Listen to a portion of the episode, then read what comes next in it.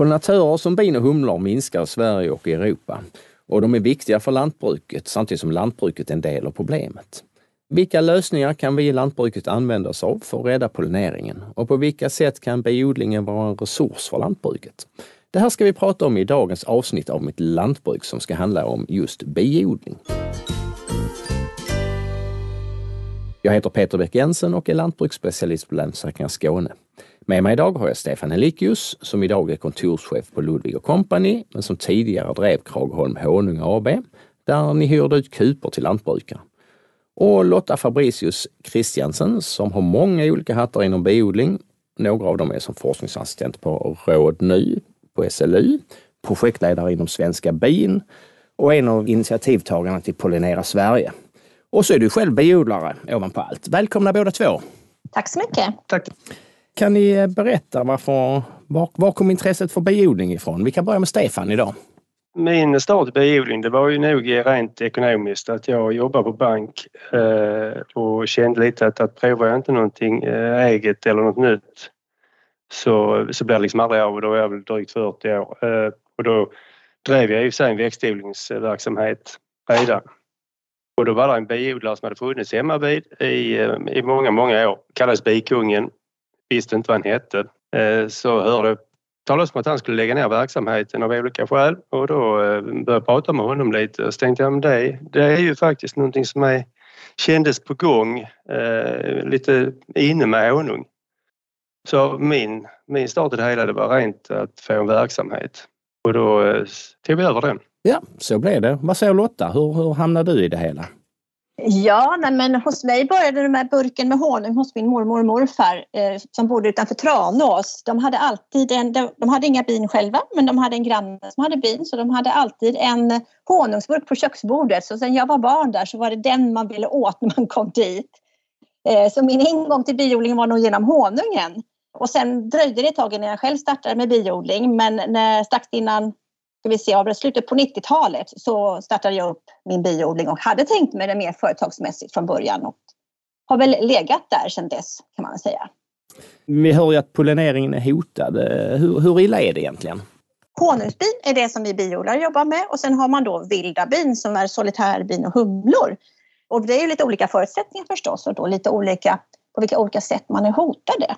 Men det är tuffare idag att vara biodlare än vad det var säger om man går tillbaka före det här varroakvalstrets inträdande eh, i början på 90-talet i Skåne. Innan dess så klarade väl bina hyfsat av sig. Vi hade en del biförgiftningar kanske och så men sedan vi fick ett varroakvalster där som kom in så behövde biodlaren mer hjälpa honungsbisamhällena att överleva på ett annat sätt. Så det blev nästan huvudfokus. Så att de här omkringliggande faktorerna som vi då ser, ja, men till exempel förutsättningar för blommor blommande gröda under hela säsongen och sådär är ju viktigt. Vi behöver veta vad vi sätter i våra bisamhällen eh, men det är inte det största hotet idag mot just honungsbisamhällen kan man säga. Um, alltså vilka utmaningar skulle du säga att vi står inför här? Dels är det kunskapen hos biodlarna att kunna ta hand om eh, honungsbisamhällen på ett bra sätt. Att hitta bra uppställningsplatser som fungerar, det vill säga att miljön stödjer biodlingen på ett bra vis så att det finns faktiskt mat för dem under hela säsongen och att de kan stå på ett sådant sätt och att de inte ja, de är lätta att sköta om man nu tänker mer företagsmässigt då, att det går att komma åt dem och sådär. Och även förstås att vi har en bra miljö generellt då, så att de är skyddade från växtskyddsmedel och liknande. När det gäller kunskap, alltså är det kunskap hur vi får dem att övervintra eller kunskap hur vi håller sjukdomar borta från dem? Eller? Eh? Ja, det hänger ihop. Det, hänger ihop, ja. ja. Alltså vilken roll spelar lantbruket i det hela? Då är det ju till exempel då dels grödor förstås, vad som odlas och hur man tar hand om dem eh, så att det inte skadar bina. Vi har ju betydligt färre biförgiftningar idag än vad vi hade förr om vi går tillbaka och tittar på vilka växtskyddsmedel som användes och hur man använder dem i sina odlingar. Det sker ju inte lika ofta idag med de som preparat eller medel som finns tillgängliga och vi har ju liksom verkligen arbetat kan man väl säga för att få ett ökat skydd för honungsbina framför allt. Sen är det inte samma sak som att det hjälper kanske de vilda bina då. För honungsbina så är det mer sällan som vi ser till exempel förgiftningsskador. Men lantbruket kan ju då hjälpa till med att försöka se till att när den här grödan som blommar som honungsbina har varit eller flyger på och hjälper till att pollinera och samtidigt hämta mat att man ser till att det finns annan blommande, blommande ytor i området som kan ta över när huvudgrödan slutat blomma så att man då kan behålla och stödja eh, näringsmässigt då med både pollen och nektar under resten av säsongen. Vad säger du Stefan om, om det som, som lantbrukare? Ja, det man kan göra är till exempel om man har, eh, nu är jag ju verksam i södra Skåne eh, där vi kanske inte har så mycket i vissa områden så är det mycket bräckt landskap men i vissa områden så är det ganska öppet med bara växtodling. Och det jag, vi höll på med när vi hade pollinering i höstraps till exempel så var det ju att man lämnade en rätt så rejäl yta framför samhällen när man sprutar svamp eh, i, i blomningen. För det, det är, även om inte svampmedlet kanske i, i sig är giftigt för bina så luktar det illa och det är ofta lacknaftabaserade lösningsmedel i dem. Och då, eh, då vill inte bina ut helt enkelt. Så har de då någonstans de kan flyga på sen 50 meter framför, två sprutspår, eh, så, så kan de liksom jobba med de blommorna så länge tills fältet känns acceptabelt att flyga ut igen. Det är en rätt så enkel grej att göra. Biodlarna är ju lite så, de är måna om sina insekter eh, och ser lite hur de överlever. Men det är ju inte lika många som har koll på humlor och andra pollinerande insekter. Så att det är väl lite så, det var en studie för några år sedan just kring neonic nikotinoider och då eh, klarar väl honungsbina sig lite bättre än vad humlor och vilda bin gjorde. Eh, och alla behövs ju.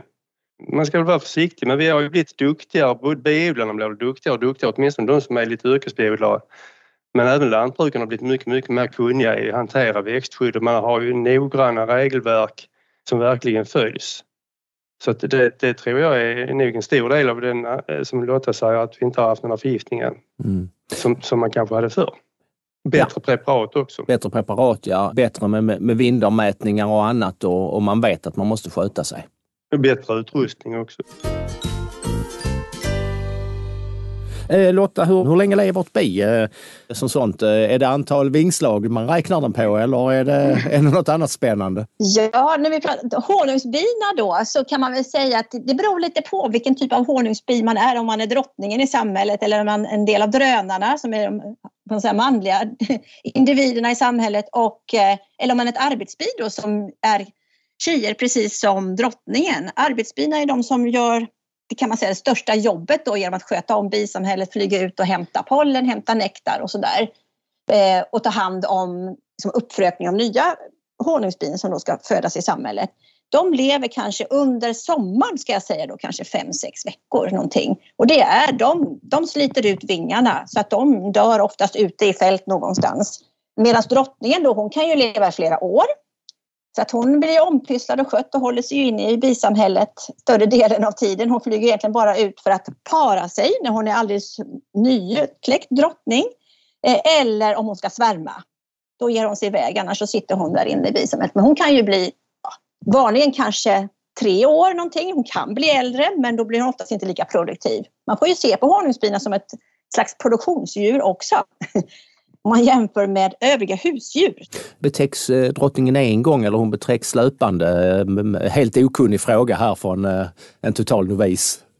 Ja, men drönarna då som är hannarna, de parar sig med drottningen utanför bikupan och oftast en bit upp i luften. Och hon parar sig med flera drönare åt gången och drönarna de dör i samband med parningen. Så att de har liksom, deras livscykel tar slut där. Eh, och har de inte lyckats att hitta en drottning och para sig under säsongen så kommer de bli utmotade ur bikupan i slutet på säsongen och så dör de då. Så att under vintern då så har, finns det egentligen inga drönare i samhället. Det, de börjar komma nu igen. Ja, så man, man, kunde inte, man, man, skulle inte kunna klara sig om bara ligga på latsidan och leva flera år utan man blir uthotad om man inte sköter sig.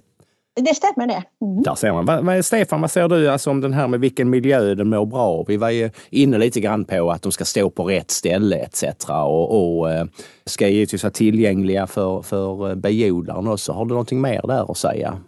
De som är framgångsrika de, de skapar ju eh, bigårdar där man inte har alldeles för många samhällen just av smittskyddsskäl och sen har man då försöker man ha samhällena i samma nivå så att man kan vara rationell när man är ute och sköter om dem.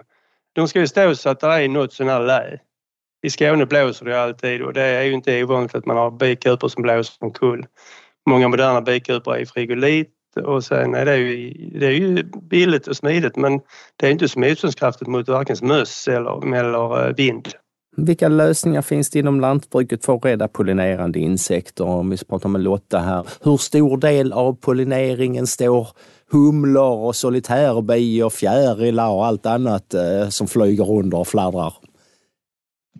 Ja, det, är ju, det, det, vet vi inte riktigt kan man väl säga då. Eh, det beror ju förstås från gröda till gröda eh, eftersom de här bina har lite olika egenskaper här. Humlor, eh, solitärbin och honungsbina Eh, söker sig till lite olika typer av blommor. De har olika lång tunga till exempel. Det betyder, alltså, kan de nå ner i en, en djupare blomma så krävs det en längre tunga, vilket oftast då är humlor som är de som eh, är bäst på att komma ner eh, och hjälpa till med pollineringen. Om vi tar ett rödklöver till exempel som, som en växt så är den tillgänglig för humlorna men mycket svårare att komma till för honungsbina och i viss mån då också solitärbin.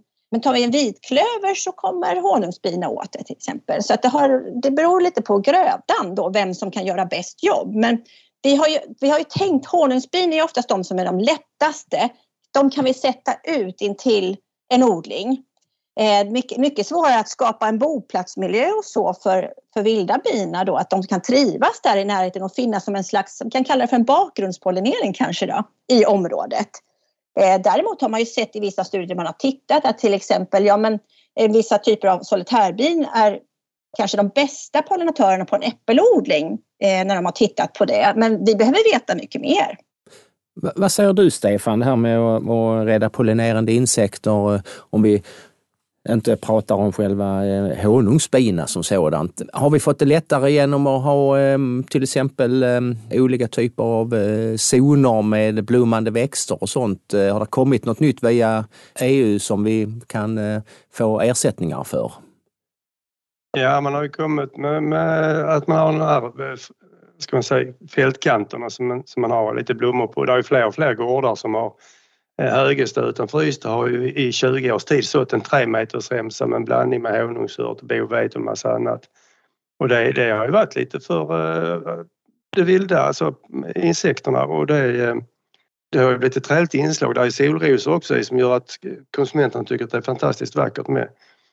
Och det tror jag gynnar, gynnar mycket annat. Vi var inne lite på humlor innan det är ju framförallt jordhumlor som, som eh, är vanliga och det är vallhumlorna kanske man hellre skulle ha som är långtungade. Men där, där är ju ett dilemma då för just det här med långa tungan. Har man inte det så gnager de hål i sidan på blomman för att få tag i nektarn. Och det hålet kan ju bina också utnyttja men det hjälper ju inte rödklövern för den kommer inte ner och pollinerar. Och sen är en stor skillnad, man köper man lite humlesamhälle för att sätta ut i odling så får du kanske ett par hundra humlor i en låda. Sätter du ut en bikupa så får du ut ett, ett bra samhälle, kanske håller en 60 till 80 000 bi. Så att antalet har ju en rätt så stor betydelse där. Jag tänker på fruktodlingar. Så man får ju rätt mycket för pengarna att ta ut en biodlare. Hur funkar en humla? Även om vi sätter ut en låda med humlor så går inte humlan tillbaka till, eh, till den lådan med sin, eh, sin pollen. Vad gör, vad gör den av det höll jag på att säga. Om jag får Lotta? Ja, nej men det, det orden går tillbaka till sin låda. Det gör den, ja. ja. Ja, därför att det, det som är skillnaden här, eh, och precis som Stefan säger, så honungsbisamhället är ju, det växer och blir så stort som 60, kanske 70 000 bin eller så under säsongen, men de är redan många tidigt på våren. Så har man en tidig vårblom så har man åtminstone kanske 20 000 bin i ett bra bisamhälle på plats tidigt på våren och så växer det snabbt i antal och som en topp kanske man säger runt midsommar humlesamhället, eh, då är det ju en ensam drottning först som liksom, i det vilda eh, etablerar ett humlebo. De lever ju också socialt men då blir det ju inte mer än några, ett antal hundra individer i det här eh, humlesamhället. Och köper man då en låda så kommer hon med ett litet eh, samhälle där som har startat upp och de ska då växa till. Så de bor i den här lådan Aha. kan man säga. Jag trodde de var helt eh, singlar som man uttrycker det som sådant, men det är de alltså inte då? Nej. nej. Det är bara så att nu tidigt på våren, de humlor du ser ute i, i markerna, det är drottningar. De som de föddes förra året, de har övervintrat, är färdigparade och ska etablera ett nytt samhälle. Så ser man en humledrottning, eller ser man en humla nu så är det framförallt drottningar. Kommer vi lite längre fram så har hon då fått hjälpredor och så arbetshumlor som hjälper till och eh, försörjer samhället. De solitära bina bor ju då ett och ett så de bildar aldrig något samhälle på det sättet som humlor då gör på en ettårig basis eller honungsbina flera år i rad. Då. Jag har fått för mig att humlor är jättemycket duktigare pollinatörer. Men det kanske inte stämmer. Det hänger ihop med vilka blommor de, de, de flyger på än jämfört med honungsbina. Ja och nej kan man väl säga där då. Humlorna eh, är ju färre. Eh, man ser att de, och det kanske ni också har sett eh, ute i marken, att humlor jobbar längre tider. De kan börja tidigare på morgonen, de jobbar senare på kvällarna.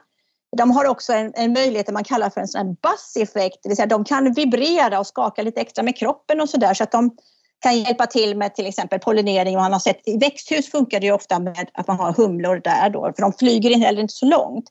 Eh, de kan hjälpa till med tomater och liknande om man tar det som exempel. Ehm, så de är effektiva på det sättet men de är då inte så många. Medan då honungsbina ju blir väldigt många som kan hjälpas, hjälpas åt med pollineringen. Så att, eh, ja, de jobbar lite olika. Så det, jag tycker det är lite svårt att säga vem som är bäst. Om vi går tillbaka till Stefan, eh, du drev ju då Krageholms Honung AB där ni hyrde ut bikuper till lantbrukare. Och du berättade lite grann innan att eh, ni satte ut dem då i, i fält. Eh, vad kan du mer berätta? Hur, hur gick det till och hur tog ni hand om honungen sen? Skötte ni det själva eller hur, hur var ditt upplägg? Ja, upplägget var ju lite att eh, vi gjorde ju allt. Alltså från, från det att vi pollineringstjänsterna och det var ju eh, huvudsakligen raps tidigt och sen vitklöver, vårraps sen rödklöver. Sen gällde det ju att få in bikuporna någonstans där vi hade lite, eh, typ nära skog med rallarros och lite andra vildhallon och sånt så att de, de, eh, man inte behöver mata dem utan att de klarar sig själva. För vi tar ju maten ifrån dem när vi eh, skattar samhällena. Min tanke när jag tog i det, det var ju att honung är ju väldigt eftertraktad, framförallt svensk honung. För man vet lite vad man får. Det är oftast en bra kvalitet på den. Hur jobbar ni med er och vad, vad, varför ska en lantbrukare hyra kuper tycker du som så? Det, är, det är en väldigt enkel insats från lantbrukare för att kostnaden för att ta in eh, bisamhälle till till exempel raps, vitklöver, eh, åkerbönor, eh, alltså de grödorna som vinner på det. Det är ju att han får betala en, en mindre summa per samhälle. Sen sköter biodlaren resten. Mm. Framförallt med tanke på de priserna som är nu Eh, på, på ja, spannmål, oljeväxter och bönor så, så får man ju fort betalt för det. Det är inte bara så att du får en hö, högre skörd. Eh, en blomma, när den blommar och bina eller vem som nu pollinerar den, när den är pollinerad så eh, du får en jämnare mognad. Om jag skulle vara företagare och jag skulle satsa på bi. Jag gissar att det är slagigt mellan åren givetvis, så man aldrig kan förutsäga hur det blir. Så är det, så är det när vi har med något levande att göra. Men hur många kupor skulle man behöva vara i för att bli ett effektivt företag och kunna eh, inte bara ha det som hobby sidan om och gå ut och pyssla med på kvällar och helger och lite sånt. Eh, är det 300 kupor eller är det, är det 50 kuper eller, eh, för det kan inte vara de här sex eller sju kuperna som eh, farbrorn i förmansrocken hade hemma i fruktodlingen när jag var barn. Jag skulle ju säga att man behöver upp i någonstans 300-500 samhällen. Det mm. finns ju en handfull biodlare som är, är, eh, väldigt framgångsrika och rationella. Men de, den jag tänker på har nog en 1500 samhälle. Eh, så att, och det är ju inte, det är inte bara antal samhällen för man brukar, men jag gjorde kalkyler i alla fall så räknade jag med att i snitt kanske jag kunde få 30 kilo per samhälle. För honungen är ju trots allt det som ger de största pengarna. Men det finns ju biodlare som, kan, som är riktigt duktiga biodlare som har färre antal kupor. De kan ju ha, få ut 100 kilo per samhälle. Men det är ju det är en verksamhet som bedrivs utomhus. Har vi en regnig eh, och kall maj när rapsen är tillgänglig, för den är ju faktiskt en, en stor eh, gröda för, för biodlarna, så, så kanske inte det blir så mycket under den tiden. Och får vi en kall, kall sommar överhuvudtaget så kan man få stödfodra bina eh, liksom under hela, hela säsong. Så att det är väldigt slaget som du själv sa i början. Men äh, att säga att exakt så här många samhällen behöver man, det är omöjligt. För ja. folk är lite olika duktiga. Mm. Och sånt. Lotta, vad, alltså på vilket sätt är biodlingen viktig för lantbruket? Ja, som pollinatör givetvis. Har du något, eh, något mer att säga där?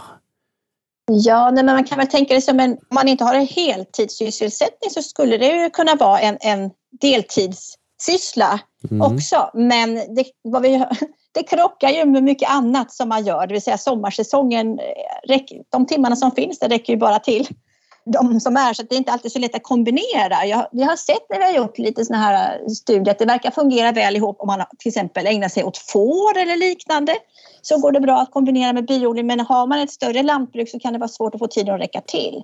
Men man kan ju tänka sig att man lerar sig med biodlare så att man har ett bra samarbete där tror jag kanske är det absolut lättaste.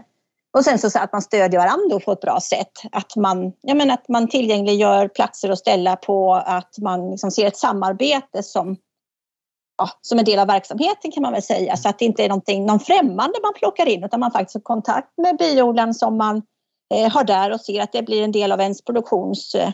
Cykel, ja. Liksom. Mm. ja. Eh, men alltså, vad säger du Stefan? Eh, givetvis samarbeta med lantbrukare om man sätter ut det så att den hamnar på optimala stället för båda två. Och givetvis att, att eh, lantbrukaren vet var kuporna står så de har grepp om det med väder och vind när man är ute och gör kanske lite insatser. Är det andra sätt som är viktiga för att belysa i det här samarbetet mellan, mellan just lantbrukaren och biproducenten? En bra grej är ju också om man har en tom ekonomibyggnad för det är ju mycket material som ska förvaras på vintern. Tumma skattlådor och lite sådana bitar. Så kan man hjälpa till med det så är det ju väldigt, väldigt bra. Och det är just det som Lotta säger att man kan hitta vinterplatser för bina som kanske kan bli året runt-platser också. Det blir ju också lite lättare för det är rätt mycket jobb med att flytta bina och du måste flytta dem antingen tidigt på morgonen eller sent på kvällen för annars är bina ute och flyger, då får du inte med dig alla. Nej, nej. Så ska man hålla på med biodling så ska man inte vara varken morgontrött eller kvällstrött. Man ska vara väldigt glad för att jobba och gärna stå dubbelvikt över en kupa och en stark rygg. Men det är ju, ju mer man lär sig om biodling desto intressantare är det så det är ju, det är ju fantastiskt. Jag tror att en löpande dialog med sin biodlare så funkar allting. Mm. Vilka grödor ger bäst respons vid biodling, eh, vid pollinering? Vi har pratat om honung och vitklöver och annat, men vilka, vilka är det som ger bäst? Är det honungen som ger bäst respons? Nu tänker jag skördemässigt, inte utfallet för, uh, utfallet för um, biodlaren utan för uh, skördemässigt för lantbrukaren.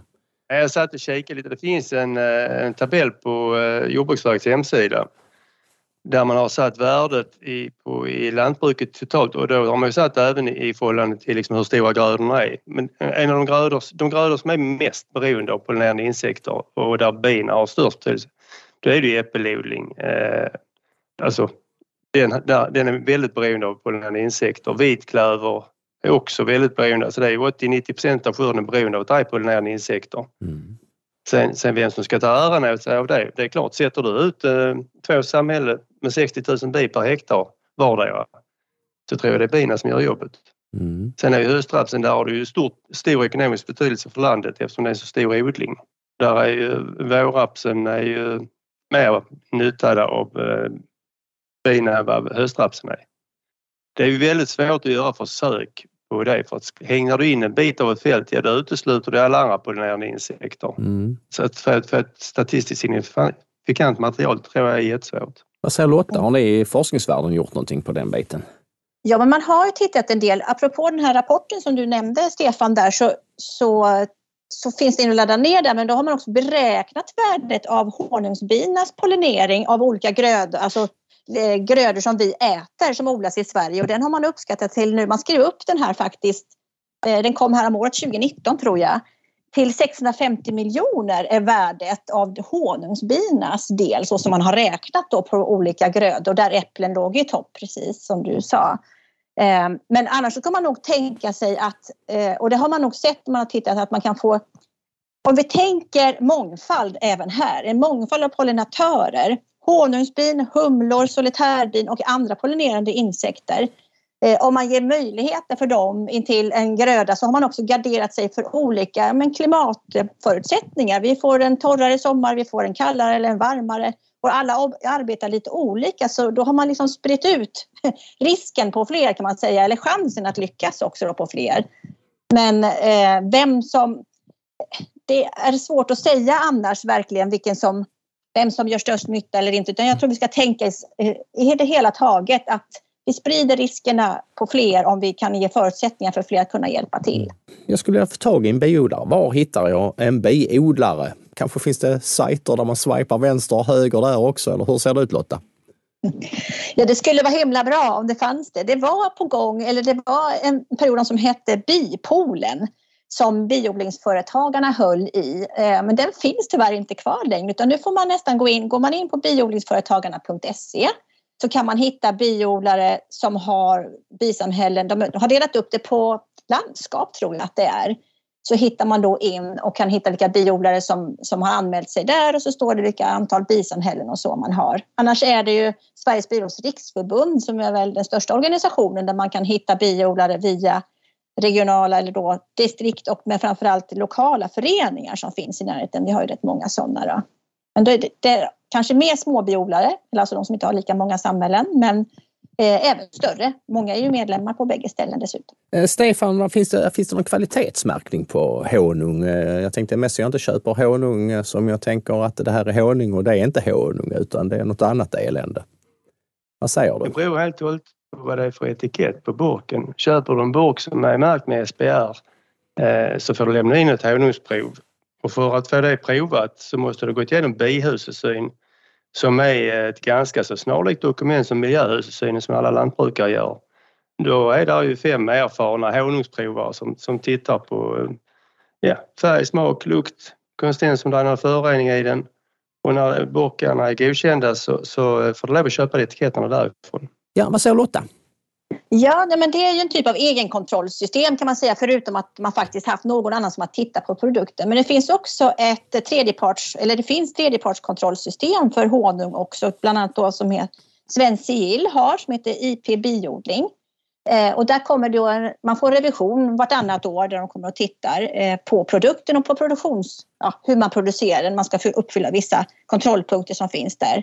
Utöver då den ekologisk produktion kan man säga som ju också finns för honung då att man följer ut ett ekologiskt perspektiv. Men då är ju mm. fokuset på sättet att ta fram honungen på, inte själva produkten i sig kanske. Om jag till sist skulle vilja fråga er båda vilka råd ni skulle ge till lantbrukare som funderar på att kanske starta en biodling eller samarbeta med en biodlare. Vad, vad är de, de, de bästa råden? Eh, Lotta, vi börjar med dig. Ja, men då ska jag säga när det gäller att om man vill samarbeta med en biodlare där man tänker sig för pollineringsuppdrag eller så, att, att man är ute i god tid. Mm. Så att man hinner planera ordentligt eh, inför säsongen. Då menar jag både för lantbrukaren och biodlaren. Att det skulle jag säga som ett, ett väldigt viktigt första steg. Var ute i god tid med planeringen. Vad säger Stefan? Ja, det är, det är helt rätt. Det man som lantbrukare kan göra det är att man planerar in att ska vi nu pollinera det rapsfältet så kan man ju faktiskt eh, kanske ha en mellangröda som blommar året innan för att öka eh, andelen vilda pollinatörer också. Där. Men det har ju bina också nytta av. Eller att man har efter att rapsen har blommat, där finns något annat som kommer igång blomma direkt efter. Så hela tiden är tillgång till mat. Mm. Eh, sen är det bra om det är tillgång till vatten i närheten till bina också. Ja, självklart. De behöver dricka också om liven.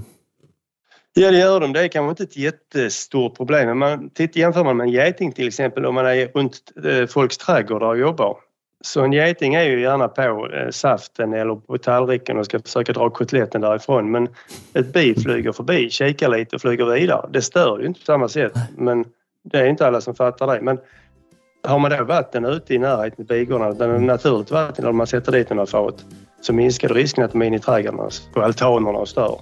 Det var allt för denna gången. Tack Stefan Helikius och Lotta Fabricius Christiansen för att ni ville medverka i det här programmet som jag tyckte var jättespännande som handlar just om biodling. Jättetack och ha en bra sommar. Tack så mycket. Ja, tack detsamma. Det var kul att vara med. Jag vill slå ett slag för att eh, stoppa stölderna av GPS. Alltså montera av DNA-märke eh, samt se till att du har ID-nummer på GPSen eh, tillgänglig så att vi lättare kan, kan efterlysa den om den skulle nu få fötter. Givetvis eh, tänk på att eh, låsa in allt annat du har också. Tjuvarna är ju ute och rör sig tyvärr. Om du vill lyssna på tidigare avsnitt, eh, gå in på www.lansakringar.se skane mitt lantbruk eller lyssna där poddar finns. Då är det bara att söka på just då ordet mitt lantbruk. På återhörande!